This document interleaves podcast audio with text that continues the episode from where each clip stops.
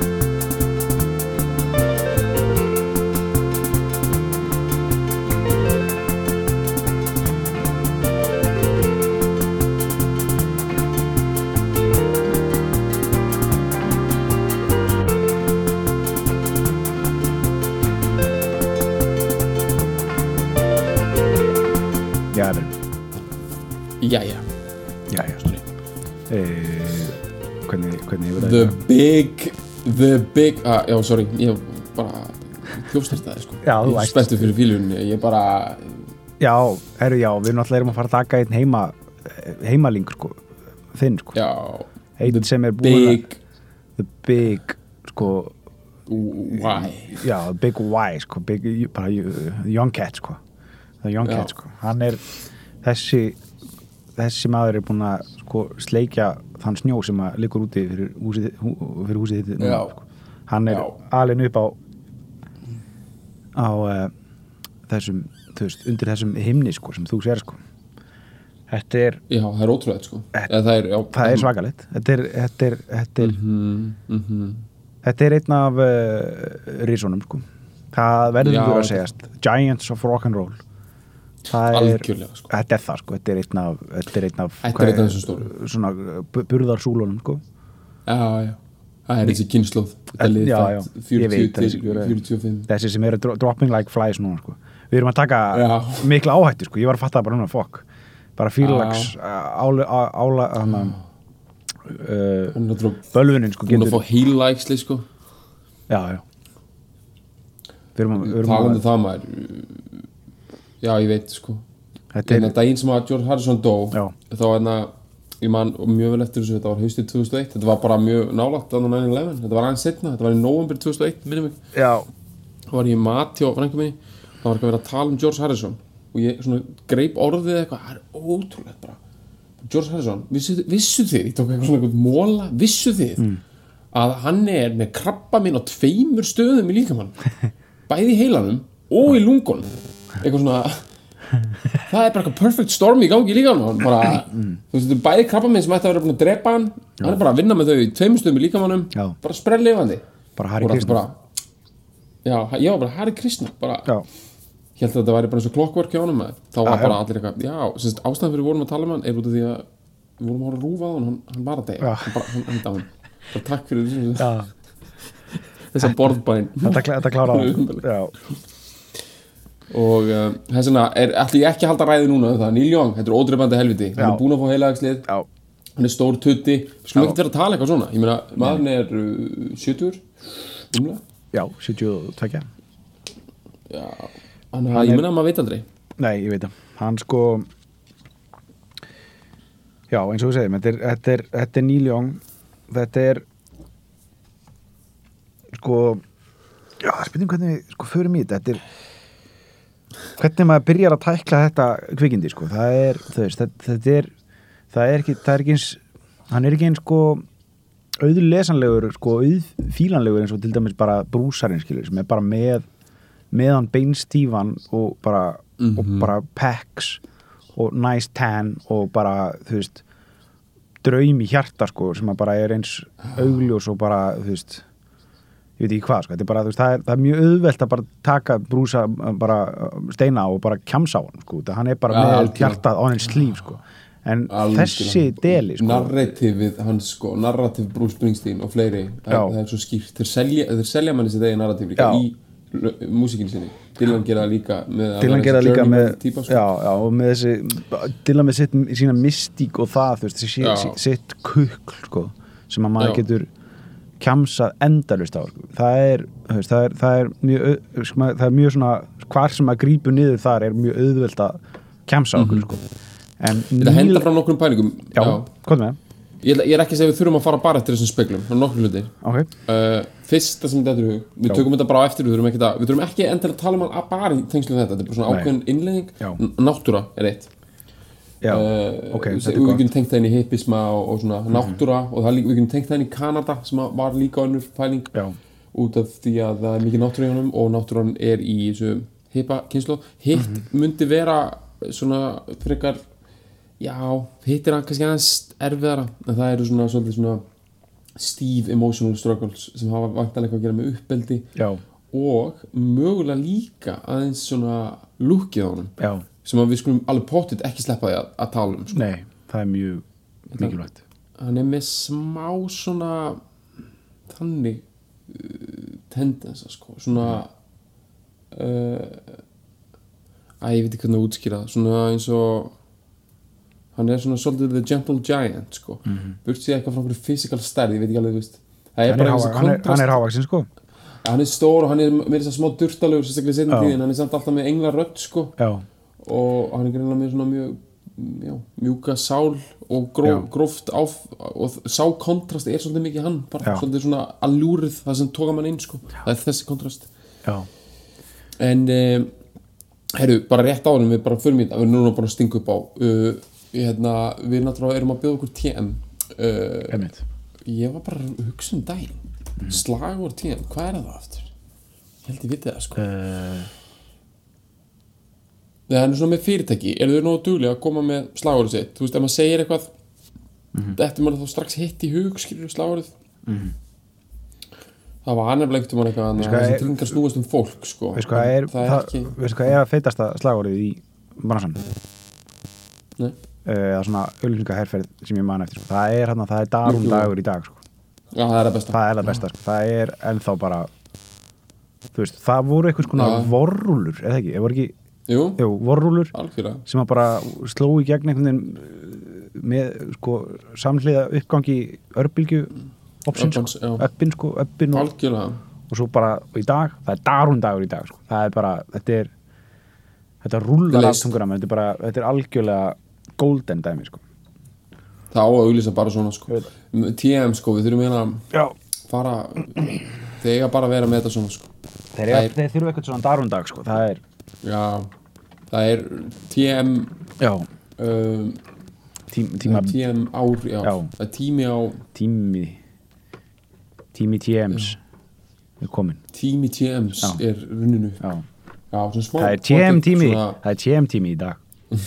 Já, bara næstu tveir tímar verða verða tím tímar. Já, verða tímar alveg go to town með þetta sko. Já. bara eitthvað svona þannig að, uh, að þú bara helgar bara tvo tíma degiðins í Mhm. þetta sko það er bara nú er komið að þér að fara aðtöða nýjustu tilbóð, Já. senda post á fílalag.tm.is til dæmis Mhm. um, er í gangi hjá TM það er bara TM næstu tveir tímar Mhm. TM tímar hverjum degi, myndur ekki segja það mm. alveg myndur ekki segja að maður eigi að taka svona tvo tíma á dag bara pæri í dringum jú, bara tvo þess að hreinsa bræðlaugana sko, fyrir Svisslendingar sko, Svissar þeir taka mm, lungan af deginum í þetta sko. já, já, þeir vakna og þeir sinna tryggingamálum frá 9 til 1 Mhm. svo taka þeir late lunch, langa lunch, góðan sko. Mhm.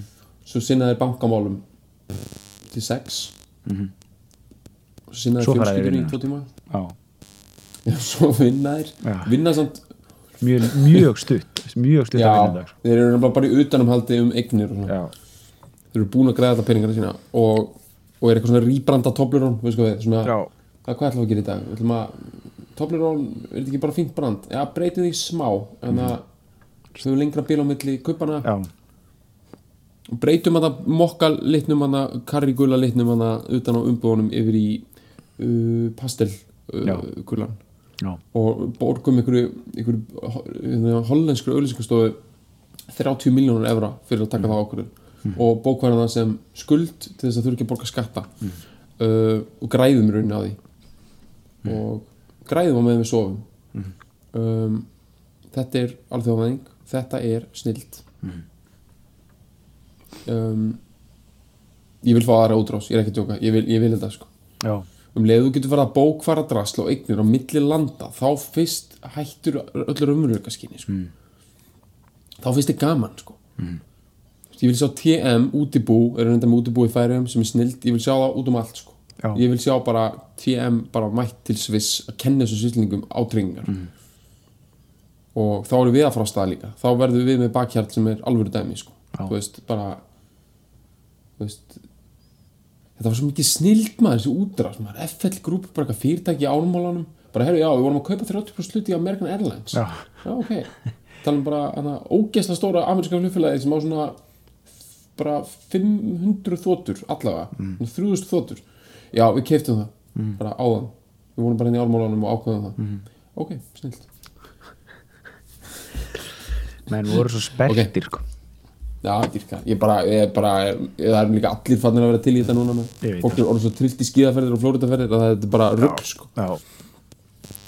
Þetta er bara fokkin rugl sko, mis, já, það er allir til í þetta maður, mér er þess að óta proppi er bara hann í karrikulu fötunum sínum eitthvað alveg, að maður sér alveg að hann svona, hann gat ekki sleppt þessu sko, hann gata ekki Nei. sko. hann bara í trú, já Það er ekki í dag ætla ég að vera leikurinn hérna með nei, það er engin dalum dagur hann bara er að kjamsa núna sko. Já, hann kjamsar bara á yfir bara það er samt verið að þró heim alveg under the bus hérna sko í ákveðnu samingi, ég, nú er ég bara að segja þetta ekki sem neitt eitthvað kritík á hann en ég meina koma hann hvað ætla þú að endast lengi í heilbriðis ráðunendinu mm. án þess að vera bara eitthvað kommentakerfis fóður skilur mm. svo mæta það- bara einhverjum dúndu góður já það er að maður, svo já. mæta einhverju skíðaferða snillingar hérna á sjálfstæðarfloknum og Já, já. taka skóplustungu að engavætum landsbítala einhverju urrið og maður og hann situr bara eftir bara með eitthvað lið sem er bara öskanandi framan á hann bara núna bara þú ert búin að eyðileggja heilbreyðiskerfið og þar Já. hvað með kvótan og hann verður bara algjörlega straujaðar undir strætó að það Já. ég er að segja það sko. en ég meina samt, bestu bara, alveg, kraftur á hann bara support, þú veist, ég meina ég er ekki svona gaur sem að finnst gaman að dissa fólk eitthvað bara, að, finnst gaman að sjá fólk. En þetta er challenge, ég bara, þú veist Þetta er, þetta, Það- er, að- er þetta verður bara eitthvað hann er fór fokkin bara setja upp eitthvað dansverk á okkur hjartsprengu svæði sko, í bara næstu Já. árum sko, það er bara þannig sko, hann er hann á ekki þetta er bara þetta er fökk fökk erfitt sko já, já, en ég meina, það veist, allt hægt það er allt hægt maður, Já. spurning Bara talandum, kveðjur. uh, talandum svona uh, góðærið og kapitalísk uh, svín, sko. það er annar Mm. uh, vingill á Jóngaranum, sko. okkar með hann er sko hann er, hann er drullu veikur fyrir uh, mammon, sko, já, og hlutum sko. Mhm, hann er, það er dæmið, sko, það er svolítið mikið, sko, líkilatriði í honum, hann er hann er líkt sjálfum sér, sko, sem rich hippie, sko. Rík, ríkur hippie, sko, sem er náttúrulega spíkfeit pæling, skilji, bara vera ríkur, ríkur Já, hippie, þú veist, það er svona Silicon Valley, sko, veist, það, það er nú eru hann hérna, Mhm. Steve Jobs, sko, það er, veist, það er rich hippie, sko, to the max, það er, veist, það eru Algjör- algjörlega það er þessi sem að, fólk sem að ólst upp á svona, hvað heitir hann svona púðarnir hann að, þú veist svona pælingapúðar sem að svona, svona, þú veist in, Svona in the bara bean- 70s, sko. já, já, svona, þú veist, fólk sem bara svona, Já. svona beanbag, sko, svona, Ah. og líka hann að finnsku stólunum hana, sem eru reynda að koma hann setna á 70s já, hann sem að maður svona, þar, já, setjum með svona beint bak, já, Já, það er þannig svo liðið. ógeðslega vond pæling já, já, og fer í jóka í einhvern veginn og er bara eitthvað, það er geggja, sko, Jobsarinn var alltaf bara að droppa síru á fullu sko. já, hann var í einhverju skóla sem heit eitthvað Reed, heitir ekki Reed College sem stóð í fyrir norðan San Francisco sem er einmitt svipuðum slóðum og Jóngarinn býr sko. Hann ekki eitthvað fyrir norðan San Francisco einhverju hippie jú, jú. ranch. Broken, Arrow- Broke, Broken Arrow Ranch. Hann vill allt. Það er svo fyndið, hann vill allt sko, því að hann er sko, hann hefur aldrei hægt að vera kanadiskur mm. vill samt búa í bandaríkjum sko. hann er með green card, sko. Já, hann er náttúrulega örgulega með grínkart en hann er ekki með sko hann er ekki með sko. hann er, nei, hann er ekki, hann er ekki með einmitt. hann er ka kanadískur ríkisborgar ennþá. Já, en hann hann er með veit græna allt. kortið. Já, já hann, hann hefur örgulega sko ekki viljað berast í Vietnam eða eitthvað, þú veist, whatever þú veist, hann vill ekkert vera bandariskur þú veist, hann vill ekki subscribe to the whole thing sko. nei, nei, en, en hann, nema hann vill náttúrulega góða, hann vill kjamsið já, sko. hann vil take the money and run sko, dæmi, sko. það, er, já, já, já, já. það er mm, bara við can þurfum að fara þetta allt sko. já, en hérna, sko, ok, við- ein pæling er að taka náttúruna, ég meina lagið sem við erum að fíla já, sko, það er mikið náttúra uh, og bara þetta er bara quintessential einhver hipa náttúrufílingur sko. -hmm. með einhverju svona bara já, ég meina þú veist það er allt í þessu, ég meina þetta er bara það sem er í gangi hana, þetta er bara, þetta er líka svona styrlunin svolítið sko. Já. Já, já, þetta, þetta er sko ok, reynum að kannski, ef, ef reynum að, reynum að byrja á byrjunin sko, með ok, með Jóngaran sko, þess að áður en við förum að, að tækla læ, lægið sko, er svona við þurfum að ramma það eins inn til þess að, maður átti sér betur á því. Við erum að tala um mann sem er fættur 45 sem er svona, svona í setni bylgjunni af fyrstu bylgju uh, eða í raun og sko já, í, í sko gúmilaði bylgju rocksinn sko, eða þú veist, það er að segja, Já. það er að segja þú veist, bílarnir bílarnir uh, Stones og, og Dylan og þetta, þetta dæmi sko, gulla- gullaldar rock drullan sko, þeir bílarnir eru, fættir kringum, kringum 40 Mhm. uh, og Dylan líka en þegar hann er svona á setni setni uh, í setni hópnum með, með mönnum eins og Dylan, nei, með Bowie og svona þannig sko. Donovan. Uh, já, uh, alls konar svona já, já en það breykar, en það breykar hann líka aðeins setna hann breykar svona late 60s eða, eða sko Já. eftir 65 já, já, einmitt. Hann er uh, fættur í, er hann ekki fættur í Winnipeg? Minni það, eða hvort hann sé fættur í Toronto? Nei, hann, hann er reyndar fættur í Toronto Já. uh, þetta er bara, já, hann er fættur í Toronto og bjó þar og líka einhverjum öðrum bæ hérna í Ontario sem er eitthvað grumaskuð Já. svo var hann eitthvað bjó hann eitthvað í Flórida að því hann fekk polio sem er taugaviki já, er það ekki hérna mænu sótt já, mænu sótt eitthvað. Það er bara hrikalegt sko. Og, og, og, þá flutið til Flórida til að láta hann, eða ég held að það hafa verið út af því að hann, til að láta hann bat, honum batna. Já, já, ég held það líka. Svo dettur hann sko svo dettur hann eitthvað til Winnipeg eitthvað aðeins svo aftur til Toronto, þá skilja fóröldarna þá er hann svona pre-teen, svona 13-14 og þá flyttur hann með mömmu sinni til Winnipeg já. og Mhm. Klárar, þar- klárar sig já. já, hann er þar þangað til að hann verður atvinnu tónlistamæður í raun og veru. Þannig að hann svo tekur hann svona, þetta örstu Toronto aftur áður hann flyttur til Kaliforníu. Já, já. Hann er sko, en svona, þú veist, ég myndi segja hans mótunar uh, staður, eða svona, það sem hann þessum, þessum skópan, er í raun og veru Winnipeg.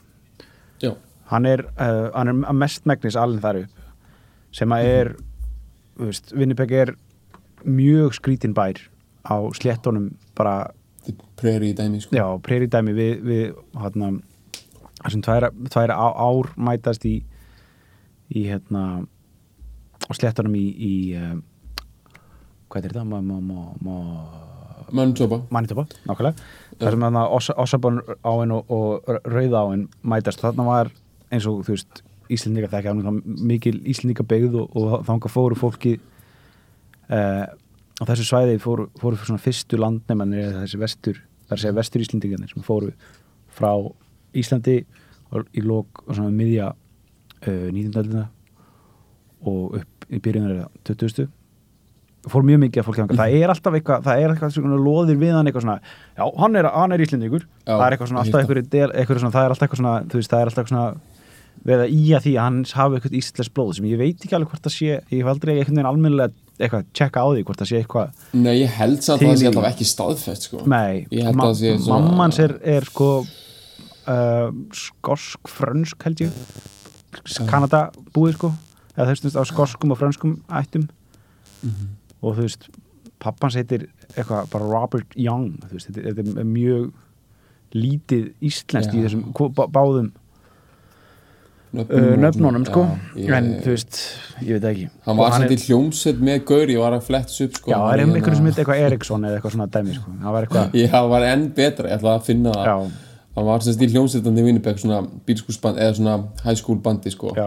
og eitthvað sem með honum í bandinu hétt eitthvað eitthvað Todd Gundleifsson eða hvað það var og það var það mjög sákaur hefur bótið eitthvað, eitthvað, eitthvað suspect fyrir Já. að vera íslenskur sko. Og það, það, veist, það er náttúrulega bara ennþá dag í dag mjög stór eða mikið af fólki sem að ber íslenska eða skandinavísk nöfn og, og, hana, og bara er af íslenskum ættum á þessu svæði, það er alveg stórt.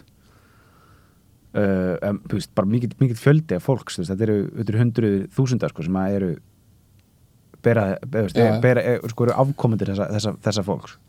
Já, já, maður, maður, ég er búin að hitta mikið af þessu liði já, já, þetta er og þetta er náttúrulega algjör já, þetta er svona okkur upplifun að sjá þetta sko. Já, Þetta er búið að gera þessu svolítið skil núna á Íslandi. Þetta var náttúrulega alltaf ekki mikið talað um þetta En núna Nei. er búið að gera svona sjónastætti nokkra. Andri var þarna, Egil Helgason.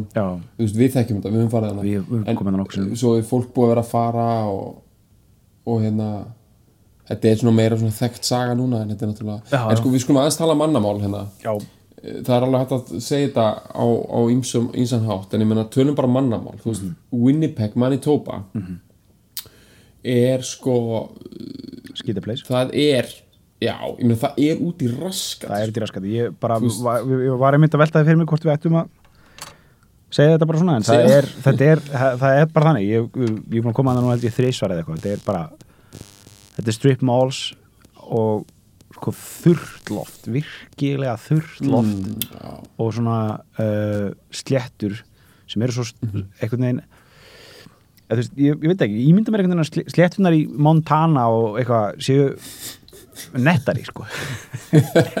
Þú veist mér finnst það er einhvern veginn, það eru meira spennandi sko, þarna er þetta einhvern veginn, það er eitthvað svona mikil eitthvað svona, það er eitthvað svona það er eitthvað, er eitthvað svona þú veist, maður verður svo lonely sko, það er eitthvað svona maður verður svo smár og ekki á svona, ég finnst ekki svona upplýfgandi hvað maður finnur sér eitthvað svona part af sköpunarverkefninu, eitthvað svona lítill eitthvað, heldur meira bara svona eins og, sko, eins og svo heiminni sé að sko liggi, liggi ón á þér sko, eitthvað neginn á, þegar maður er að keira eftir þessum huge, huge sléttum sko. Og þarna, já, já. Og, og, þarna elst hann upp sko.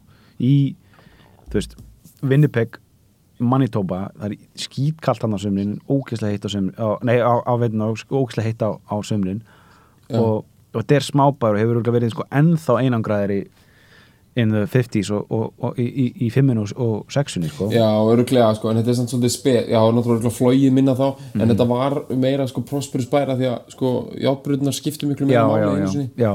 Að Já, getur, getur að, kannski að vissuleiti fyrr, sko, já, já, það hef- hefur að, að vissuleiti verið betra eða, það hefur verið meiri vinnu að fá í einmitt mæn, aðna, námunum og, og, og bara verksmiðunum og eitthvað svoleið sem voru þarna sem að hafa lokað í dag uh, en, en að öðru leiti já eins og hann var, hann verið minna flug og minni bara veginn minna að gera sko. já.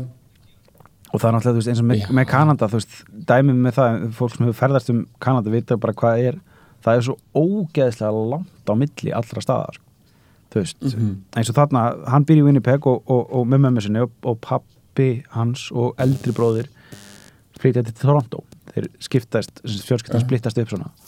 Og það eru, þú veist, hvað er það? Veist, það er þryggja tíma flugu eða eitthvað, það er á milli eða, ég manna ekki. Já, það er alveg, alveg, er alveg þryggja fjóra tíma flug bara á milli þeirra, þeirra borga og, og hérna þú veist, er ógeðslega langt að kera bara, bara tekur Þetta er bara mjög stórt land sko. Já. Ég er, hérna, ég er, er að fljúa til Íslands Ég er sko, maður er jafnland að fljúa til Vancouver. Já, einmitt. Hérðan, en samt er, samt er ég sko ekki í, þú veist, East Coast, Canada sko. Að fljúa alveg coast to coast er ennþá lengra sko. já, Þetta, maður er hálnaður í Halifax eða St. John, Newfoundland þá er maður hálnaður til Íslands, Já. hérðan sko. Þannig maður er ennþá í Kanada þegar maður er hálnaður þetta er bara land sem það er aðeins að slaka á maður. Ég í þessu veit fucking flæmi maður doesn't quit sko, það eru aðeins að slaka á þessu Kanada búar.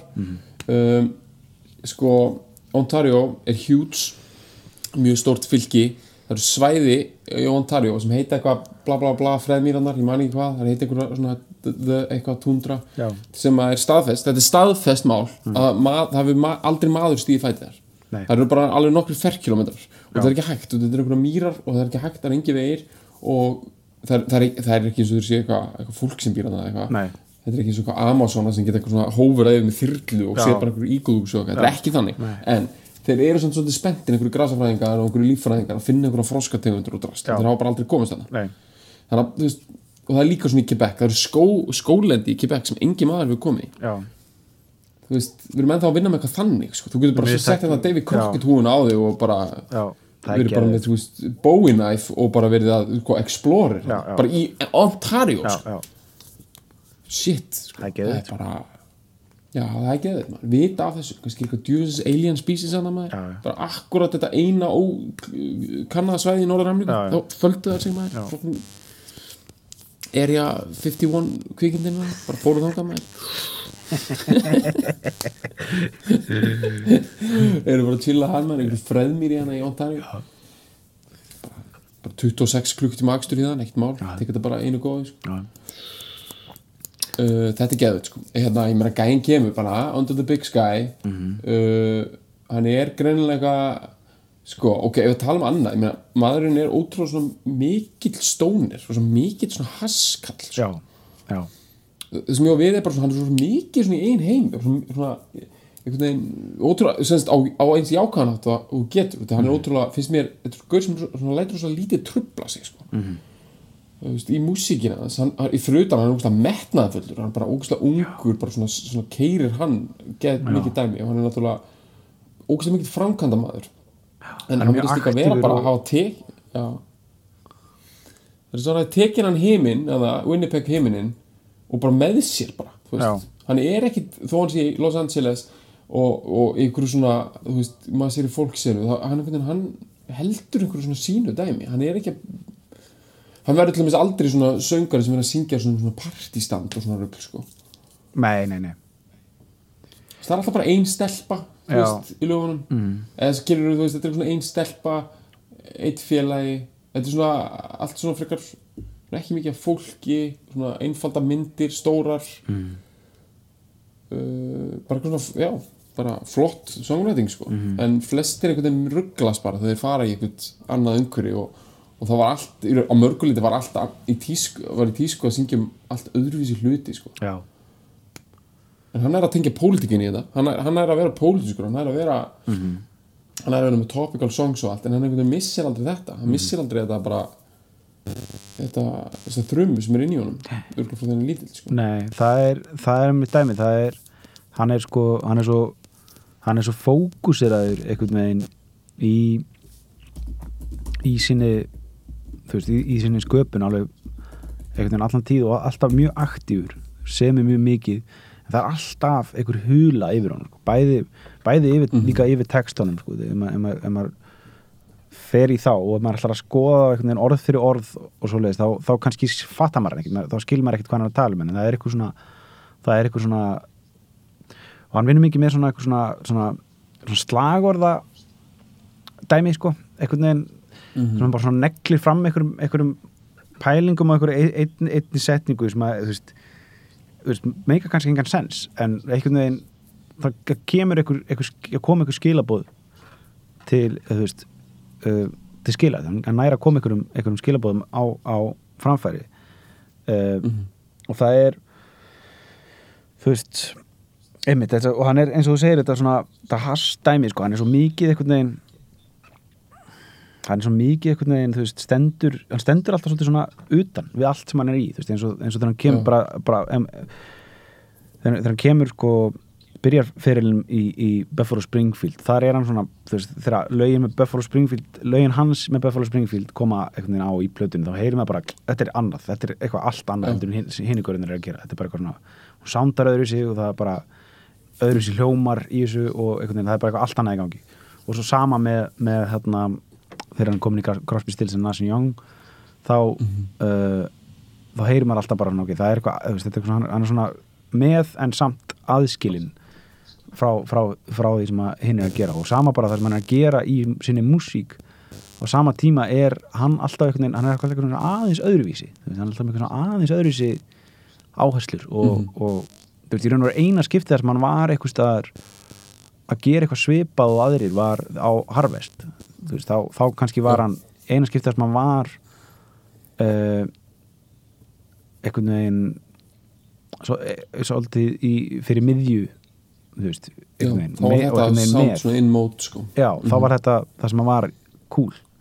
Veist, hann hefur alltaf sko annars er verið það Já, ég held líka sko þegar hann er hérna, svolítið svona uppgötaður búin nýtt þannig að þegar grönsi kemur já, um, það er erfitt fyrir mig að átta mig á þessu því þú veist, ég lifi ekki beinlinis þessa tíma sko, þú veist, Nei. sem, einhver veist, sko, ég man samt þegar hann var nýtt það gerist, hann þú veist, hann er að eiga hana samstæða með Pearl Jam alveg bara 95 sko, en þá var hann búin að vera svona, svona appreciatar mjög mikið á grönnsliðinu í mörg ár.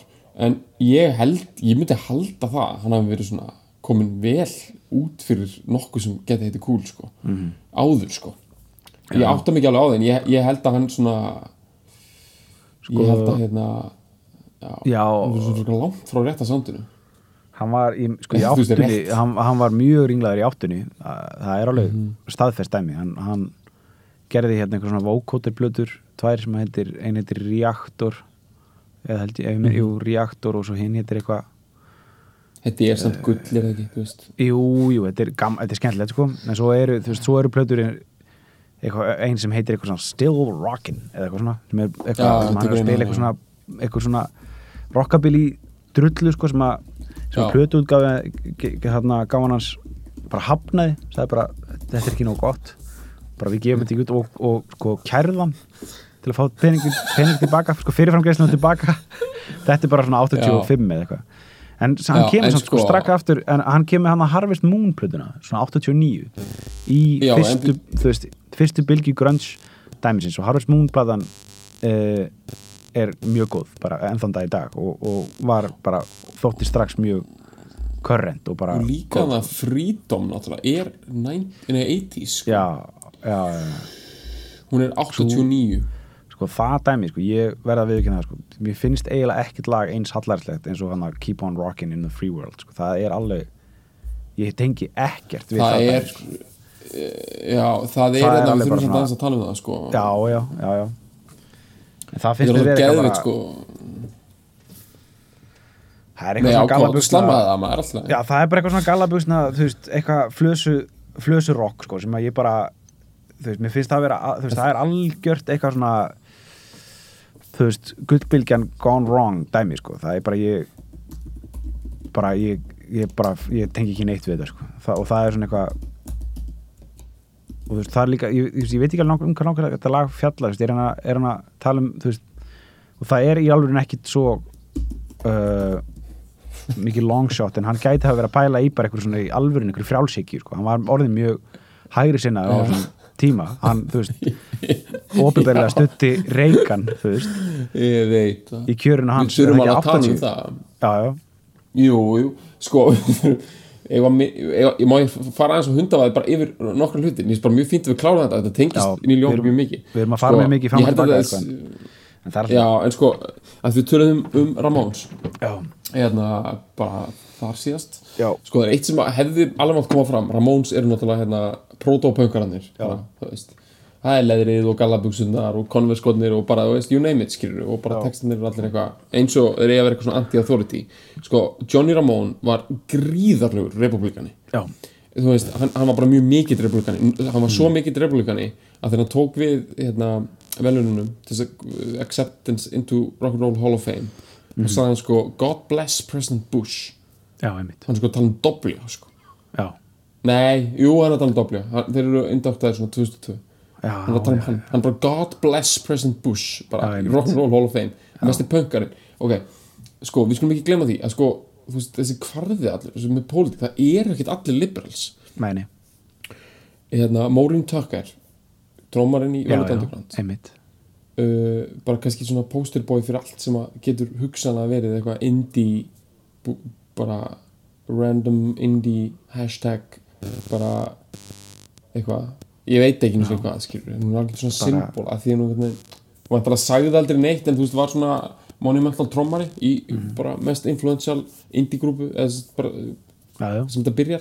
Mhm. Heru, hún náttúrulega bara hún, bara, hún fekk það short of straw skilur. hún hefur engin royalties eða neitt Nei, hún býr þar í Carolina eignast fimm börn. Hún bara fátek sko. Heru, kemur hún ekki bara, núna bara fyrir þreymur árum? Vissur á þessu? Já, ég sá þetta hún, kem, já, hún kemur á eitthvað svona eitthvað Fox News eða eitthvað svona bara svona eitthvað mótmælum þú veist, það er bara viðtal við eitthvað fólk á götunni bara Maureen Tucker stendur. Stendur ekki eins og musician fólk á Já. hún er í tepósreifingadæmi og hún er bara að segja að veist bara we're losing all the industry blah blah blah Já, hún kaust Trump hún kaust Trump, já, alveg klárt. Hún kaust Trump alveg klárt og hérna, þú veist, sko þetta finnst mér samt, alltaf að segja bara út af því að við skulum ekkert gleyma því þú veist, það er ekkert þetta er ekkert komið, þú veist, var þetta pólitík og listir og svona þetta á aldrei að vera einfalt og ókipis þetta á aldrei að vera þannig, já, allir hérna sem eru eitthvað svona með einhverja pælingar svona anti-establishment pælingar, eru liberals. Það er alveg til republican spirit og svona frjálsíki spirit sem er líka anti-authority og anti-establishment skilur og sem að veist við af, afskrifum sem eitthvað svona frjálsíkju, nýfrjálsíkju rung sko, eitthvað svona smjör kúka eh, dæmi skilur eitthvað svona is the system sko, en það er alveg til í Ameríku, allt þetta haslið í Colorado, þetta eru bullandi republikanar já, já, já, þessir bara, þessir djúpu hassistar sko, þessir náttúru loving er dæmið sko. Meistarar það er, það er, fokkin, það er níl, nílarinn sko. það er rich hippie dæmið já, sko. hann er svolítið þar sko, já. Já, hann er svolítið svona hann á tjúnaðan F-150 bara King Ranch útvarsluna bara allur í hérna Harley Davidson útvarslunni sko hérna Já, já. leðurlínan alveg klár Já, já. alveg með ógeðslega mikið af einhverjum stangveði gýr aftan á sko bara stangveði gýr fyrir marga miljónir sko og hann er að keira þannig upp að einhverju á og hann finnst hann samt vera alone with nature skilur og hann hatar örgulega yfirvöld. Veist, ég, ég, ég er ekki að segja það skilur mm. ég held að hann sé ekki eitthvað að ég elska að borga skatta og að hérna, senda fólk til Vietnam að drepa the yellow man skilur ég, ég, held að hann sé að því leiti þú veist, en hann er bara rich hippie. Og þess vegna held ég að hann hafi alveg dara við frálsíkju veist, og eða sko hann hefur það make- það. það veist. og þetta lag er sko alveg þess virði að skoða út frá öllum niðum og náttúrulega við skulum ekki gleyma að þegar að Trump kom niður úr liftunni eða mm. niður úr rúlustíðunum tilkynnti hann alltaf að bjóða sig fram í forval Republikana flokksins 2014 eða já, var það ekki 2014 jú, lokast 2014 eða upphæðið 2015 þá, þá var verið að dundrátt Keep on Rockin' já, er það ekki? Jú, það var dundra þjótt og, og fólk var náttúrulega að bera það saman við þú veist, að Reagan notaði Born in the USA en Já. málið er kannski málið er kannski aðeins ég held að, já, held að Aðeins- Keep on Rockin' sé aðeins closer to home sko. er, og við skulum ekki gleyma að Dylan sko hann var náttúrulega dottin í þetta dæmi líka sko, veist, Já. The Union Sundown sem er eitt lagið á hérna Infidels. Já, já, og fleiri lög síðan á plötum sem að maður hefur bara valla sko, hlusta almennilega á sko. En sérstaklega eins og Union Sundown og Infidels frá 83 held ég sem á að vera svona alltaf lægi plata. Og ég er alltaf lægi Union Sundown er bara þú veist ég trúi ekki að það lag sig eftir hann þú veist, eða jú, ég trúi það alveg út af hann er svona gaur sem að vill ekki að factory workers veist, hann trúir ennþá á einhvern svona 1950s double garage American Dream sko já, já. og við vitum náttúrulega að Dylan er alveg farin því hann er komin í þessi, hérna, jafnbindingar bullshit sko já, einmitt þannig að Það er loksuðu það vita allir að þá, þá er þetta búið sko. já, hann er komin, í svona loksuðu list sko. þá, hann er í loksuðu Þá maður listinni, farin- bara eins og Átni Jónsson sko. já, já, það er bara að maður er svo bara far gone sko, ef maður er farin að að bræða saman einhverja stálbita og kalla það list maður ge mað getur ekki orðið meira svona privileged middle-aged white guy sko. heldur en ef maður er dottin í eitthvað svona herru, ég var hérna að bolta saman hérna og welda hérna bara eitthvað viðbjóð hérna í bakarinnum Já, um, bara þetta er, þetta er bara þetta er svo ljótt að þetta er bara ógeðslegt sko. Uh, en ég má þetta, ég á þetta ég má þetta. Og Mm. Ég er búinn að selja þetta. Mm. og, og ég er búin að selja þetta. Fyrir mjög og peninga. ég meina, við erum ekki off topic. Hann er, meina, hann er smá svona hann er smá svona, svona kall, sko, svona hann já, gerist alltaf fyrir eitthvað góða músík, sko. Já, ég reyndar hef ekki ég viðkynna það, ég hef ekki hlustað á svona síðustu blötur hann sko, ég hef ekkit, ekkit þannig, veist, ég hef ekkit maður heyrir þetta, maður heyrir þetta bara alltaf út af því að Út af því að, út af þarna út af uh, Óla, Óla Palla Óla Palla á þetta- Rástvö. þetta- Já, það var mjög fyrir passionate? Hann er mjög passionate hann Níl, Nílari sko. Hann, hann hérna Mhm, ég man fyrir svona þrejum, fjórum árum þá var hérna kosin, var, var svona um svipa leitið og verið að tala um svona hvað er plö- bestu plötur síðasta ásett, það var svona í byrjun janúar eða eitthvað. Og þá Mhm. það er auðvilt er, ég er með tvær, tvær plötur besta, besta blata ásins það eru báða með Níljó Mhm. þá hafði hann Níljón gefið út ykkur tvær blutur á árnöldan og það var bara fyrst að annarsæti hjá hjá, hjá Níljón sko. nei hjá, já, hjá Já, er sko, Níl er náttúrulega hann er tre, treinött sko. við menn það eftir að koma já, þannig við tökum það, já. Er, Hann er lestar eitt. hann er lestar uh, haus. Hann Mhm. safnar litlum uh, svona, hvað segir maður mótel lestum eða, eða þannig þetta er svona mm -hmm, Líkunum. Líkunum, einmitt, hann hefur gert það Já, mörg, og í ára tíu og, uh, og er með bara dýrt hobby. Mjög dýrt hobby og hann er með, hann er með uh, sérstakann sérstakt hús á, á búgarðum sínu þar sem hann er með þetta allt sem hann uppstilt og það er mikið að þú veist, ef eit- einhver enn að las bókina hans, hérna, las þú hana? Það, menn ég las eitthvað ótrúlega langt viðtal eða Já. upp úr eitthvað í tengstum sko- sem hann fer aðeins yfir þetta. Já, þetta er hérna hann gaf út sjálfsæðisögu fyrir svona, ég veit ekki, það er svona þrjú, fjör ár síðan mm -hmm. og uh, hún er 35% um lestir. Uh, 35-40% um uh, um uh, bíla og, og hérna og hérna og 10% um, um hérna hérna fóni eða póni eða hvað sem þetta heitir hérna spilar Audio hans systemið já, hans. ád- audio Já. spila standardin Já, hann er bara búið til stafrænan spilara sem að sándar eins vel og analog tækni og hefur verið að gera þetta þróa þetta mörg ár og, þetta, og svo fjallar hann svona 10% um tónlistina hans og hans Ok. æði sko. hún er bara eitthvað svona Mhm. hún er bara endalaust hann bara, hann bara he goes on and on um einhverja um einhverja lestir og einhverja einhverja, einhverja rafmaks Cadillac sem hann let gera þú veist, hann let rafmaks væða einhvern Já. Cadillac og, og eitthvað það er rosalega mikið svona privilege dæmi sko, að Já, gera já. svoleiðis. Það er rich, rich hippie dæmi alveg to the bone sko, að fara Já. að láta einhvern veginn svona raf gera Cadillacin sin, samt ennþá vera á Pældi Cadillacin hvað þau farið mikil orka orka til spillis við að gera þess sérþarfi fyrir hann. Já. hann kiftar ekki bara rafbíl? Ég- og slefti að eiga Cadillac? Nei, hann þurfti að láta svona 30 manna teimi vinna bara yfirvinnu í eitt ár við að gera þetta fyrir sig. Já, og láta alla keira fram og tilbaka í vinnuna. Mér að gæna með svo stort carbon footprint skilur að, þú veist, ég held að hann bara þurfa að reykja bara mjög mikið hass bara þess að reyna að já, gleyma því sko. Já, já, hann hætti vist að reykja hass og, og var paranoid og fann einhverja leit að tyggja einhver lauf í staðinn. Já. hann lísti í þannig sko þannig að hann hættar ekki hass var það eins og að vera freðin sko.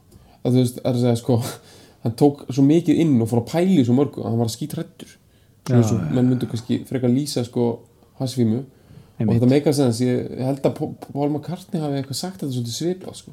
Já, einmitt. Og hann, ég held að hann hafi byrjað aftur og hann tyggur einhver lauf eða eitthvað. Ok. eða eitthvað, eitthvað krydd eða eitthvað. Ok, til þess að minka parnáðum sko. hann er eitthvað búin að, hann er self-medicata það sko. Já, já, já.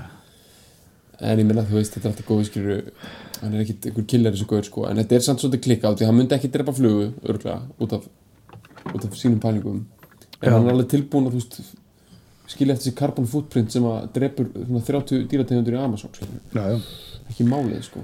Einhverja einhver svifaba í Amazon skilur Já, bara hann er tilbúin að exhaust pæpa alveg við þá maður. Bara ekki að ræða það sko. Nei.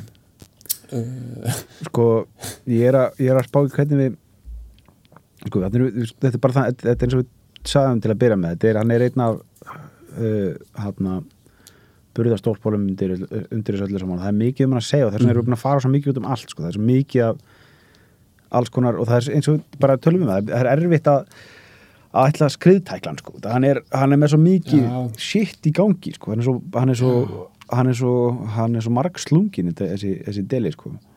hann, þetta er núna, sko, ég, nú er ég að fara að segja mjög já, já, morbid hlut en sko, músikblæðmenn New York Times og Rolling Stone og bara stórum tímaritum og blöðum í bandaríkjanum eru með stokk obituary sko. Já, um alla sem eru ákveði gamlir. Og þetta er alveg frækt að þeir eru alltaf lekið út sko. Þú veist, þetta er úrslag morbid að segja þú veist, mm er ekki að deyja en ég meina, sko, hann er dæmi um gaur sem að eftir að hann fer ef að, ef að það verður já, það verður alltaf einhvern tímann já, já, nei, meina, skilur þú veist Já, já, allt já, ykkur endi. Já. lífaldra, og við erum bara en, sko, hann, það er nefnilega svolítið erfitt að súmera hann upp í nokkrum setningum sko, fyrir hvað hann stendur og tilgangin hans eins, eins og þú ert búin að vera að segja. Uh, en það, það verður reynd og svo mun það kannski ekki alveg takast sko. af því að ég held að taka einhver ára að þess að gera hann upp sko. en tölum aðeins um eitt sem ég held að sé oft líkillin að, að fólki og Ok. hérna, tölum aðeins um lúkja Já, byrjum á því aðeins, og uh, ok byrjum bara spjaldinu sko. byrjum bara Já. þar sko. það er, Já. hann alltaf er með rosalegt spjald mig já, hann er með þetta, Já, Hann er með, með sko- með sko. hann er náttúrulega bara, ok, við höfum bara, bara, bara tökum hanskan af, sko, það, við höfum að tala mannamál hérna, hann, hann er náttúrulega kortir í neðandir dalinn, sko, hann er með eitthvað svona framhleyft enni smá þú veist, eða svona ennið Já. hans veginn svona liggur og, og einhvern veginn eins og þessi Já, veit hvað, það eru brúnindar hérna já, sagt, já, algjörlega, au- já. og þarna, það, er svona eins og það íti augunum í sundur einhvern veginn, hann er, hann er alveg hann er að daðra við uh, neðandir dalinn, sko. Já, og uh, og hann er með hann er með, hann er með sko, hann er ekki, hann er ekki beint vel tentur sko, hann er með skolt sko, hann er með eitthvað já. uh, hann er, algjörlega, hann er samt sko hérna svona 60s, hann er sætur sko. Já, þetta er einhvern veginn, þetta er að make a sense sko hann, já. Hann er sko eða þú veist, hann er sjálfmennandi sko, mjög hann er, hann er það, hann er, hann er, hann er mjög sko, ég held að hann, hafi mjög mikið aðdráttar afl sko, það, hún er oft lýst þannig sko, það er svona einhvern veginn þessi, að- með, hann er með stingandi augnaráð sko, sem að já, einhvern veginn, selur alltaf vel. Já. Uh, fólk er alltaf mikið að taka það sko. Já.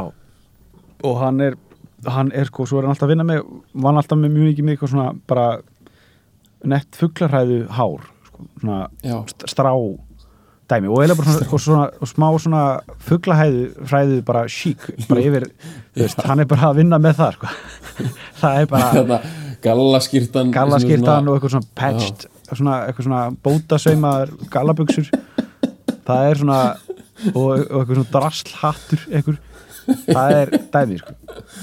Svona ég, ég er að neanderdal horfa á þetta hérna. Fugglarhæðar sko. það er en samt svona bölki sko. samt einhver, einhver svona þú veist, vel stöffað stöffuð fugglarhæðar sko. stöff, stöff er með svona þétt þétt stöff stöffuð þetta er ekki bara já, þetta er ekki bara hálmur, þetta er svona blöytur hálmur. Það er hún er rigna í hana sko. já, já, þingsli Alveg. það þungt í honum þessari- sko, já, algjörlega. Þetta er alveg þryggja, þetta er þetta er svakar, þetta er hún í þess að rosa barsta hana sko, þetta í þá bara hana late 60 sko. Já, það er Buffalo Springfield lúki, sko, þá var hann með þessa þykku Já. barta, sko. Hann hefur til dæmis aldrei verið með mikið skegg. uh, hann, Nei, hefur, hann hann, er- hann hefur, eik, ég sé svona nokkra, hann tók það sko í, hann tók það í sko miðri sjöunni í sem mestu ofneislu tíma, tímabilinu, sko, þegar hann er í uh, CSNY og um, og hérna uh, aftur byrjar að vinna með Crazy Horse. Uh, í kringum hérna Zuma þegar nýji gítarleikarinn er komin inn í inn í hérna inn í Crazy Horse. Uh, hann hérna Poncho. Uh, þá er hann með þá var hann með þess að þá var hann, að vinna með skegg sko, og stutt hár sem er svo gott. Það er fyrir gott lúk sko. Það er, og, og það mikið er svona aviator shades þetta er svona kókain það er mjög mikið bara- bara, það er bara kokain, Bee Gees bara hæ, sko, hægt að vera gaman en samt mjög mikið kókain lúkið sko. Já, er- svona þú veit með svona allskegg og ógslag hvítar tennur. Eða þú veist skilur að við fyrum alveg í Bee Gees stæmi sko. Já, já, og svona og svona shades, shades en sem er einmitt lúkið sem að George Michael bara, bara ákvað bara keira á. Já, Ég ætla bara að vera í þessu lúki bara alltaf. Bara svona, svona gott svona góð whiskers svona. Þeir gott geta- svona alveg vi, vi, já, svona alveg svona 5-7 daga skegg. Já, já. Góð svona hvítar tennur og svona spekla speikla dæmi sko. en já, þetta, veistu það, þetta er Þetta er sko, ég er búin að vera að skoða myndir á meðan þú segir þetta, þetta er náttúrulega ógislega fyndið því akkur þú sagði þetta með bótabugsunar, þá var bara kom mynd á hann í svona buglar hann var í þessum bótaböksum í svona þrjú ár sko. það, er, það er bara frægt. Og svo er hann sko svo er hann með bara allt þetta. Ég meina, þetta er bara nöðsynlegt að taka þetta fram. Því ég held að við þurfum að næsta tala eins og röddina hans. Já, hún er eins og stílinn hans og lífsviðhóru er þetta svona easily recognizable? Þú veist, sko, Já. eins og þú veist að benda hvernig, þú veist, þú þekkir alltaf lögin. Já, svona sér á báti svona, þessi, þessi rödd. Já, hún er ótrúlega góða því að hún, sví, hún er hún er náttúrulega svo góð bara út af því þú veist, í hljóðmixi þá er hún mjög líklega fyrir ofan allavega allar, allar grunna sko já, já, þú veist, uh, hann frekar og minni bara á vælandi gítar stundum Já, sko. já, en samt, þú veist, já, líka bara út af Hann því tekur hún- bara hann, hann, hann, notar svo mikið sko, svona íkt víbrató sko. Mhm. svona alveg bara það sem er bara mjög, þetta, þetta minnir miklu meira á gítar og, og, og, og svona og er því tíðnisviði sko, heldur en en það er rosa gott það er rosa Já. bara upp á bara að ko- komast í gegn sko, þá náttúrulega þú veist, ég meina, eins og Dylan er líka með háarödd og kemst í gegn þannig, en ég meina, hann er náttúrulega að vinna með eitthvað neysaldæmi, skilur Já, já. þú veist, eh, Neil Young virðist vera bara svona að syngja rosa hátt samt með svona eiginlega öllum eh, kannski ekki alveg öllum líkamannum en alveg örglega svona þetta, krefst mikið af tækni hann er mjög Já, já. að nota mikið hluta af hálsinum og veist, víb, það er mjög Já. mikið sem er að víbra þetta er ekki bara nefdæmi sko. já, já, þetta er eitthvað svona þetta er, þú kaupir þetta ekki í, út í sjoppi sko, þú veist. Mhm. Se- og þetta er áhugavert því að hann er náttúrulega er í rauninni ekki með svona rödd sko þegar hann talar sko, Þú veist, hann er í rauninni bara með svona í rauninni bara svona einhverja baritón rödd þegar hann talar. Kannski já. svona aðeins hærri en, en hann syngur svona, samt er þetta ekki svona falsetta skilur, þetta er nei, nei. rödd bara. Þetta er bara, já, hann er bara með hátt hann bara liggur bröðin er svona, liggur svona hátt sko. þetta er rosa flott sko. Já, en ég held að þess, það er þessi kontrast sem myndast út af því að hann er með þetta þessi, svona þungbríndur, svona sterka kvassa augnar á fuglarhæðulu og svo syngur hann svona eins og engill eins og svona bara eitthvað gasdæmi og það er bara það það er bara svona stóra aðdrátturaflið og svo Mhm. og svo líka bara hvernig hann spilar á gítar að saman að bæði því að hann, hann, hann er bæði ógeðslega röff notar bara effekta ógeðslega röff, algjör svona gítar drulluhali að því leiti, bara mm Mhm. Jimi Hendrix stæl en svo er hann samt náttúrulega ógeðslega uh, sko blíður líka sko. Já, hann er með, hann er með sko hann er með mjög, hann er með mjög svona uh, einkennandi stíl líka sem gítarleikari hann er með, hann er með mikið svona uh, veit ég meina ekki þetta eitthvað svona mikið eitthvað svona eitthvað þetta dæmi allt svona hammer on og pull, pull off dæmi sko. Eitthvað svona þú veist þetta mjög mikið eitthvað og alltaf með nögl þú veist. Uh, eða.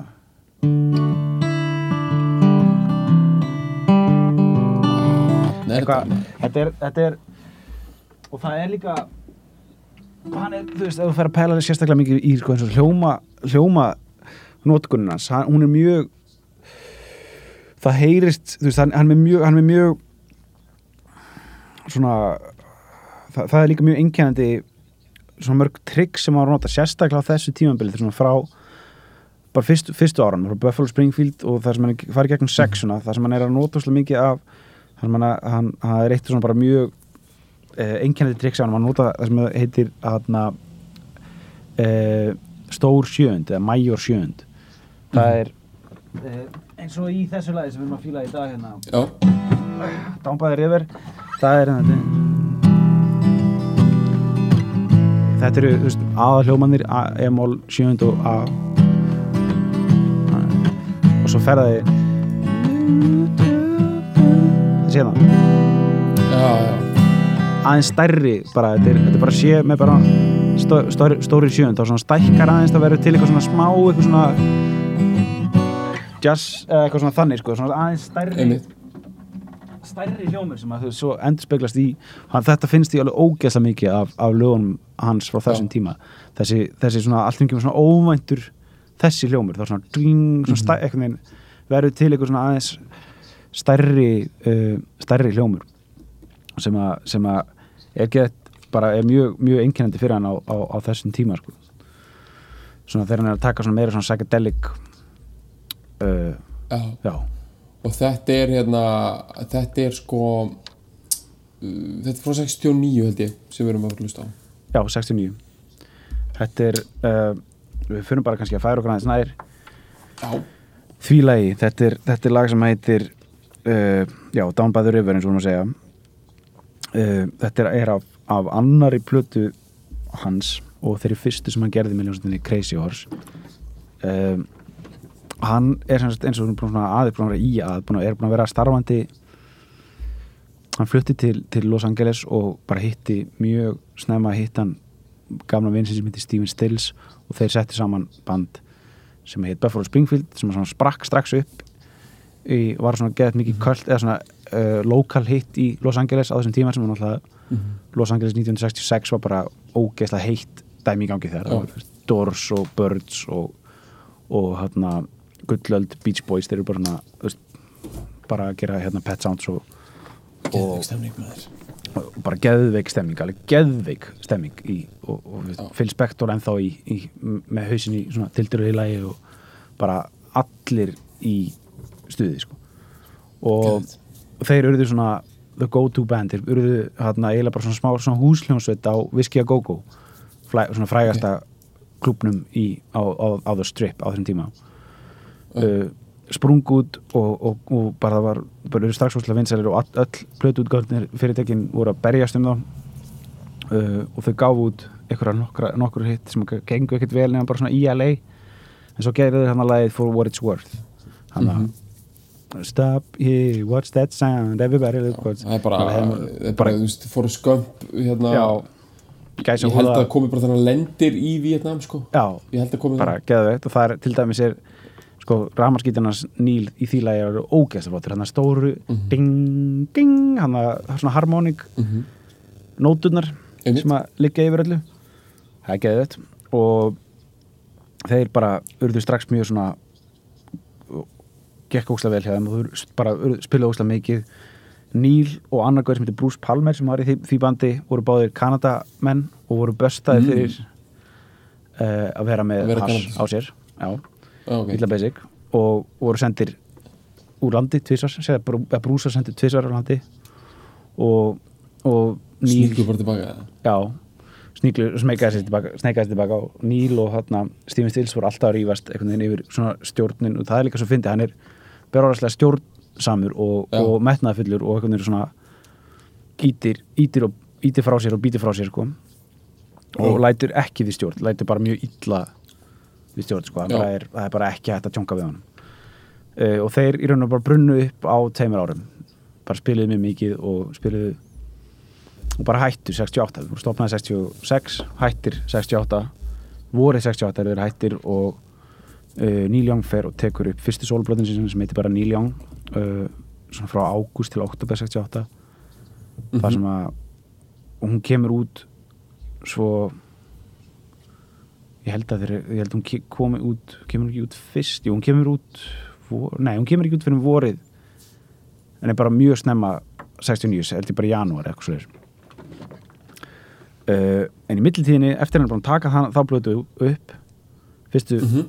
sína og áður hún kemur út fer hann að, og hittir að eitthvað eh, gauðra í, í bandi sem heit The Rockets sem voru bara svona barband uh, og er eitthvað svona jamma með þeim upp á svið hún fílaði svo vel og þeir voru bara, þeir voru bara eitthvað svona nobodies. Þannig fannst bara svo gaman að spila með þeim og ekkert, engin pressa frá því að vera að spila með Buffalo Springfield á einhverjum hjút sviðum eitthvað svoleiðis. Já. að hann bara ákveður að fara með þeim inn í stúdíu og þeir fara inn e, í bara í, í einmitt í janúar 60, 69 e, bara strax í byrjun janúar. Og byrja að taka upp. Og þetta eru bara gauðra sem eru e, einmitt bara eitthvað svona barband og spila bara ógeðslega basic. Þú veist, trommuleikarinn er aldrei að gera neinn fyll bassalekarinn er bara svona heldur bara heldur bara taktinum.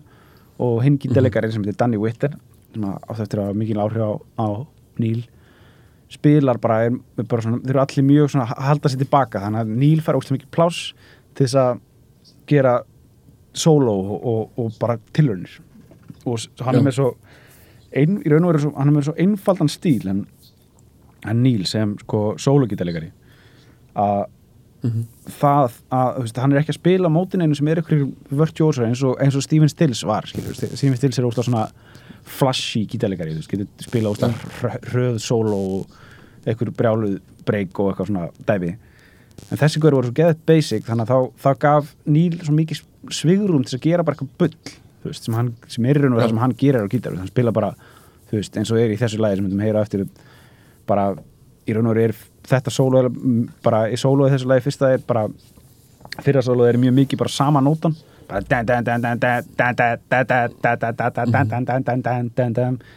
bara það er bara það er bara dæmi það er það sem að gerðist þarna að hann fekk svo mikið plás til þess að bara gera sitt shit og þú veist gera það vel, þú veist bara að meina hverja einustu fokkin nóti þó hún sé bara illa basic sko.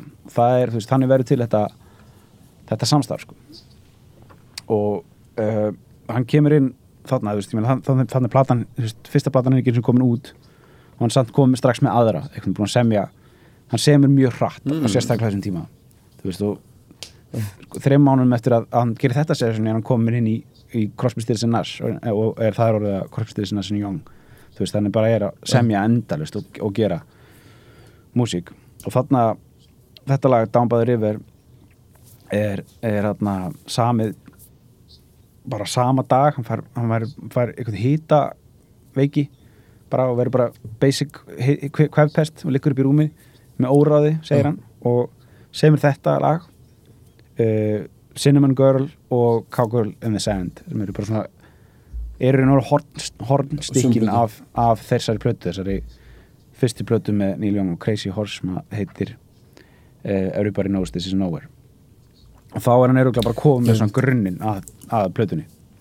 Það tekur bara eitt hitamók og neglir út Já, tromulögum bara, hann leggst hann er bara, hann er hend, hend í rúmið bara hit, hittamók og það bara þá hann komið grunninn að, að nýri plötu.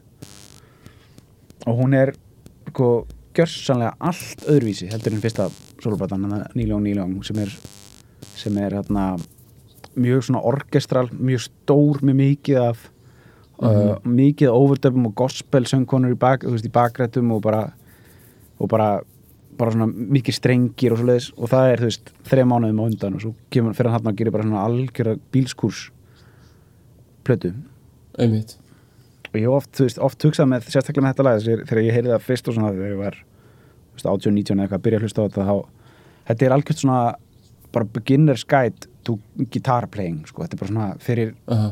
fólk sem er að taka svona fyrstu skrifin í að, að spila á gítar og sérstaklega svona solodót þá er þetta alveg bara svona þetta er svona algjört textbook dæmi með það, sko. Já, í ykkur svona samspili, ykkur svona rock samspili. Þá er þetta þú veist, það er líka út að, líka út að hvernig er mixa þú heyrir það eftir, við hlu- hlustum á það. Og það er sko, svo, það er svona öfgapanaðir gítararnir tveir.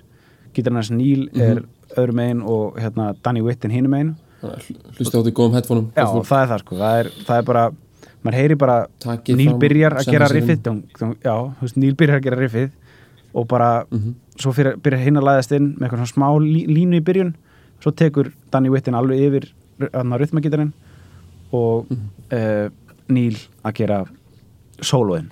Og það er svo, finn, það er svo, það er svo það er gefa, ba- ma- það er það sem ég var að segja á hann gefa, gefa, þú veist, það sem að Crazy Horse er að gefa Neil svo geðveikt mikið pláss, það heyrir svo vel þú veist, þegar í sólónum sem eru by the way, mjög löng. Þú veist, þetta eru, lægið er 9 mínútur og 13 Þetta er eitt lengsta lag sem við fílað sko. Já, já, ég held að. Og það er, hann þetta eru bara tvö eirindi og viðlag sem er bara svona freka gengur bara eðlilega fyrir sig og bara mjög eðlilega uppbygging. Og svo er bara fjóra mínúta sóló. Og svo annað eirindi viðlag, fjóra mínúta sóló. Þú veist, það er bara uh, en einhvern veginn heldur að manni alltaf þetta, þetta sóló, þetta verður aldrei leiðilegt það er út af því þegar hann er svo basic gítarleikari að þetta verður aldrei eitthvað svona eitthvað Jimmy Page að að runga sér yfir eitthvað, eitthvað stadium, sko, þetta er miklu meira uh, Já, bara, Bara- bara rungu sér inn í inn í, inn í, í, í bílskúr með vinnu sínu það er þetta er miklu meira þannig. Þetta er alltaf gaur að runga sér eh, það er skiptir sóló máli, ganga sko. út af sko, Þetta er bara- gott sko, ég meina, ok, Já. er fólk tilbúið í þetta, ég meina, þú veist, þurfi ekki eitthvað aðeins að núna bara svona þess að, bara, gefa fólki smá svona uh, leið, við getum bara leiðbyggingar já, við getum líka til dæmis líka aðeins farið, tjekka aðeins á textanum í þessu Ok. okay. um, ok, við byrjum Þetta er byrjum, eins og þú segir, þetta er ekkit svo mikið sko, með eitthvað lægi langt nei textin er mjög stuttur og og hann er ekki beint það er ekki beint hægt að lesa hann alveg þú veist, ég held maður ekki, ekki að taka hann alveg bókstaflega, til dæmis. Ég viðlaði hérna I, Down by the river I shot my baby. Ég held að hann sé ekki að tala um morð þar sko, ekki Glæp. hei, hei Nei. Joe dæmi sko. Hann er, að, nei, einmitt, einmitt. Hann er að tala um veist, shot my baby svona meira kannski uh, ég, held að hann, að hann Níl hafi ekkert sjálfur líst í þannig að þetta er svona meira svona að, uh, að hérna uh, klúðra málunum eða eitthvað svoleiðis, eða svona meira svona uh, glata stelpunni skil, frekar heldur en að, skjóta hana, sko, myrðana, þá er þetta svona þú veist, hann klúðraði dæminu sko. Einmitt. Eða þá, eða þá sem er líka alveg, þú veist jafn líklegt, eða jafn bara líklegra að hann er bara, þú veist, þetta bara sándar óslega vel að segja þetta skilur. já, þetta er bara- það þetta er alveg cool sko. þú veist, þó að þú veist, viðlaði sé einhvern veginn nei, versin eru bara þarna mjög svona encouraging og svona þannig að segja, þú veist hérna, you take my hand and I take your hand together we might fly away og eitthvað svona, bara svona alveg basic.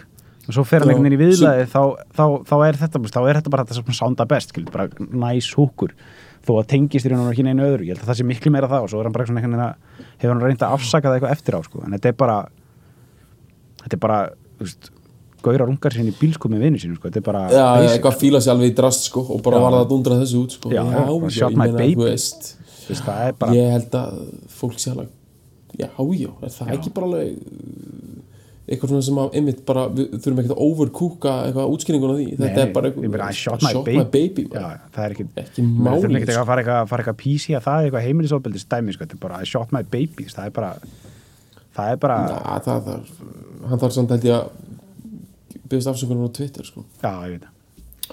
Eitthvað bara núna, eitthvað 2016 I shot my baby, I did not eitthvað, in my ly 1969 lyrics Já. to Down by the River. Já, shot did not uh, imply violence on my behalf. To my significant other. Pældi ég að hann myndi fá einhvern svona, einhvern, einhvern svona fjölmjölafutrúa núna sem væri bara eitthvað we really, really have to já, eitthvað, acknowledge this það er bara eitthvað töflufundur töflufundur og Broken. Arrow Ranch maður og hann bara hann bara fuck. Eitthvað hann bara, bara ekki er ekki hast á sundun og er að deyja úr paranoi bara geðveikt stressaður. heyrðu hérna, ég var hérna já, þú veist, hann fór í eitthvað fót með Trump út af hann að keep on rockin. Það var eitthvað ógst að fyndi út af því að hann hann var á móti, ég veist, hann sagði styðja Bernie Sanders eitthvað, var á móti Trump sagði síðan eitthvað eftir okkar en þú máttir samt alveg nota lagið það er bara þetta að byrja leifi já, keep on rockin, sko. Keep on finnst það svolítið, já, ég held að hann sé bara svona, þú veist auðvitað fílar hann Bernie Sanders þegar Bernie Sanders er einhver svona barta einhver, einhver svona það er Rich Hippie sko. kjálka barta Já. já, það er Rich Hippie frá fuglarhæðu stæl. Já, já. auðvitað eiga þeir einhverja samleið. Já, já, svo, svo fílar hann náttúrulega Trumpar hann einhver leiti líka út af þessu svona þessu svona bring it bring it back home baby. Já, já, veist, já, það Þú er veist, að, þessi veistu, ég held ég er með kenningu, ég ætla bara í þetta Donald Trump er bara að drulla alveg plút, þú veist, hann er, að er eðalega Ameríku, Mhm. ég held samt að allir hvítir gaurar sem er eldri en 60 Mhm. þeir, þeir, þeir fílan meira þess að einhverjum svona libra bara reachtur New York Times Já. út af því að hann er svo graður út af því, veist, hann er svo hann er með lita hár og bara appisnugulur og hann er sjötur já, já, og bara allir 60 gaurar eru bara fuck, er þetta í bóði maður? Fuck, fuck! Þú veist, Neil Young er bara að lita á sér skeggi Jóngarinn sko. Alltaf er að var að yngja upp um daginn maður, það var að ræða það líka. Já, það er, já, ég meina þó nú væri, nei, segi er, það, er hann komið, hvað yngir svona 72 ára gammal hann fór í fólk bluesrock artist upp í hann fór í 50 að Daryl Hana já, er hann með henni? Já, hann skildi við konur sem þeirri- Peggy sem hann er búin að giftur síðan, þú veist 85 eða eitthvað. Já, uh, eða fyrr, jafnvel ég minni og, og, og á fjölfallabad með. Á tvo fjölfallaða drengi, takk fyrir með. Já, ok, uh, og þau, þau skildu bara núna fyrir svona tveim fyrir eitthvað, árum síðan. Og hann tók upp með, og hann datt í með sem að sló í gegn svona myndinni 80s hard Splash. rock, að mest. það er daldið góð detail sko. hann kemur, eins og að segja, hann kemur alltaf kemur alltaf óvart sko. Jóngarinn sko. ungur í hjarta já, já já, já, Já, alveg hann til dæmis, já, já, ég meina þú veist þú veist, úf, hann er enigma þessi gaur sko ég veit það við reyndum að krakka þetta með Kanada við reyndum að fara Kanada með eina að honum Já. taka náttúruspjaldið ég held að við höfum ekki alveg sko við náttúrulega höfum alveg náða að fíla þetta alveg gjörsanlega ég Já, er já. mjög satt við það ég er bara að segja ég er ekki við sem höfum eitthvað svona alveg nelt mannin við erum ekki beint kannski búin að krakka hann sko. ég held að það sé líka bara ekkert hægt sko. þú veist, það er hann er með alltaf mikið í gangi sko. þú veist, hann, við erum, þú veist, við erum búin að við erum búin að við erum líka búin að taka spjaldið á hann sko, hvort þetta sé eitthvað leynist þar sko. bak við fuglaræðu grímina en það er, það er ekki. Og svo er þetta hippie í rauninni það er, þú veist. Þetta er bara blanda af svo mörgu. Þetta er Já, bara circumstances þetta er þessi kynnslóð fólk sem ólst upp í Norður Ameríku við einhver ákveðin gildi svona disillusionment þú veist svona desolation í, í svona hugmyndum þjóðniskend og fleira er að hverfa og, og hérna international warfare og allt og nýjar hugmyndur um það og svo hvað appreciation fyrir náttúrunni pluss ógeðslega mikil efnaðaslega velmögun og ótrúlega mikil æskudýrkun og rauninni klappa bakið líka sko. Einhvern veginn pluss einhver emotional vandamál í æsku samt ótrúlega helst eftir karakter sem vinnur úr því. Þetta er eitthvað bara blanda af þessu öllu sem býr, gerir hann það svona frekar, frekar svona mm, kröns eh, sko krönsi dæmi, þú veist, þú getur krönsað lengi á þessu sko, hann er eins og eins og mikið hann sko. þú veist, þetta er bara eins og svona gott svona granóla bar sko. Þú veist, þú býtur í þetta þannig hétur hérna, býtu það er einhvers svona kortflex í þessu. Já, það er súkulega, það er eitthvað döðlu eitthvað döðlu system að koma stert inn núna. Býtu, halló, hræ, hræðu þeir bara öllum fokkun drastli heimsins inn í eitthvað eitt bar og, og er að selja mér það? Mhm. það er svona hlusta á nýljón já, takk, já, hlusta á nýljón ég er svona, býtu, ég er að hlusta á margt sem ég líkar við hérna, en mm, ég, veist, ég veit ekki alveg hvernig ég var þú veist, þetta er bara granóla bar, sko já hann er það sko. og og gott granóla bara, alveg gæða sko. hann er náttúrulega, þú veist hann er náttúrulega ókslega góður sko. þú veist, það er engin þú veist, það er engin eitthvað það er ángið sens í hann sko. nei Nei, nei. hann er ekki fátæk hann er ekki fátæka mannsins neins. Þú gæti sagt, þú gæti sagt um Donovan á ákvörðum degi að hann er Dylan fátæka mannsins. Já, já. eða að þú veist, hann er Grateful Dead fátæka mannsins eða eitthvað bara, þú veist, en hann er í síkatelju þú getur alltaf sagt það, ég get ekki ímyndum að þú getur sagt það um Neil Young, ekki við Nei. neitt eitthvað, já, hann er hérna hann er uh, Joni Mitchell uh, fátæka mannsins. Nei, eða, við sko við, það, það virkar nei. ekki sko. Hann er alltaf gullið sko uh, ok, ó, þetta er búið að vera svakalegt sko. en við erum Ok. að snarfíld á hérna, í læginu sem við erum að fara dundur hérna, það fáið svolítið allt sko. þetta er allt annað. Það er lítill, eða stór raunar, kanadískur skrokkur að runga sér inn í bílskur já, hafið eira með því. Mhm. það er þarna einlæg Stóra- og bljúg virðing fyrir náttúrunni, já. Já, stóra sjöundin takk eftir henni, þegar hún kemur. Takk eftir stóru sjöndinni og þessum stíl. Hann söngurinn, það eru stælarnir það er samt líka ykkur hóværð uh, það er allt annað. Þið, fáið, þið eru að fara að fá algjöra já, shot my baby Um, dæmi já. Og bara þú veist, þið eru að fara að fá svo mikið hlaðborð, þetta er langt granólabar mm. ímyndu ykkur núna, þið eru að byrja á granólabari þið eru frekar söng, það hættir ekki. Þið eru bara að fara að borða granóla eftir granóla eftir granóla þú veist það er bara jafn langt bara tveir, Bara- þrjir metrar. Já. Og ekki veit, er maður sattur maður veitur borða eitthvað þryggja metra langt granóla það er bara my worst nightmare maður. Það er að fara til læknis bara á bráða mótöku bara hvað borða það það er þetta dæmi sko. það er bara, nú eru bara, bara spenni beltin það eru nýju mínúndur á hassista. Já. bara fugglarhræðið hassista. Að fara að sko, bara, bara að stilla sko uh, magnarna sinni bara up, up to 11 og hann er bara að fara að gissa yfir okkur í bara nýju mínúndur bara að vera eitthvað að því. Já, njótið við takk fyrir. Takk fyrir